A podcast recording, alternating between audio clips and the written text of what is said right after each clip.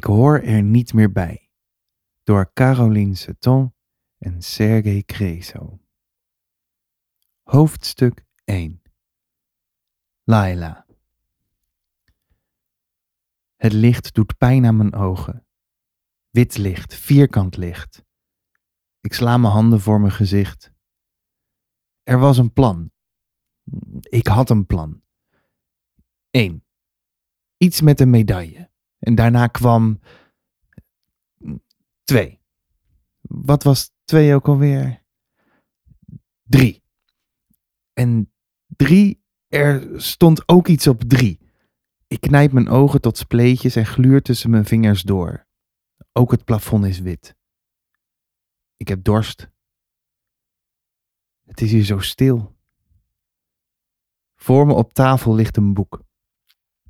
Ik zie letters en paginanummers, maar ik herken ze niet. Ze houden me in de gaten. Ik zou zo graag in een hoekje kruipen en verdwijnen, al was het maar voor even. Maar je kunt je niet verstoppen hier. Je moet een boek uit een van de kasten pakken en aan tafel gaan zitten lezen, net als de anderen. Heel rustig. Alleen dan val je niet op. Je kunt hier niets verbergen, niet eens een natte jas. Is het al tijd om een bladzij om te slaan? Ik weet het niet. De anderen lezen. Ik probeer onzichtbaar te zijn. De lichtbak boven mijn hoofd knippert aan, uit, aan, uit. Dan blijft hij uit.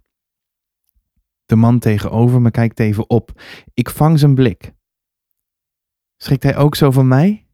Snel schuif ik mijn stoel naar achteren. Ik heb dorst, maar ik ben mijn waterfles vergeten. Ik kan wat water gaan drinken in de wc. Het licht is nog witter hier. Ik steek mijn hoofd onder de kraan, mijn tong plakt tegen mijn gehemelte. Het licht prikt in mijn ogen. Of is dat rook? Rook, vlammen, ze slaan door de ramen naar buiten. En papa is er niet. Ik moet rennen, wegrennen. Want de vlammen, hoe kon het vuur ineens zo snel? Ik maak een kommetje van mijn handen en laat het vol water stromen. De waterstraal die thuis uit de kraan komt, bubbelt een beetje. In de winter komt er soms helemaal niets meer uit. Dan is het water bevroren. Ik hou niet van de winter. Wat zou papa nu doen? Ik plens water in mijn gezicht, duw mijn koude vingers tegen mijn brandende ogen. Mijn maag knort. Waarom heb ik gisteren een zak chips gekocht? Stomme koe! Met een brood had ik veel langer kunnen doen. Papa is vast aan het zoeken. Ik zit weer op mijn plek, sla een bladzij om en laat mijn ogen langs de regels glijden. Is het wel een Nederlands boek dat ik lees? De man tegenover me heeft niet meer opgekeken. Achter zijn rug staan een paar mensen in de rij, een stapeltje boeken in de hand. Ze wachten tot de bibliothecaris de haperende uitleencomputer weer aan de praat heeft gekregen.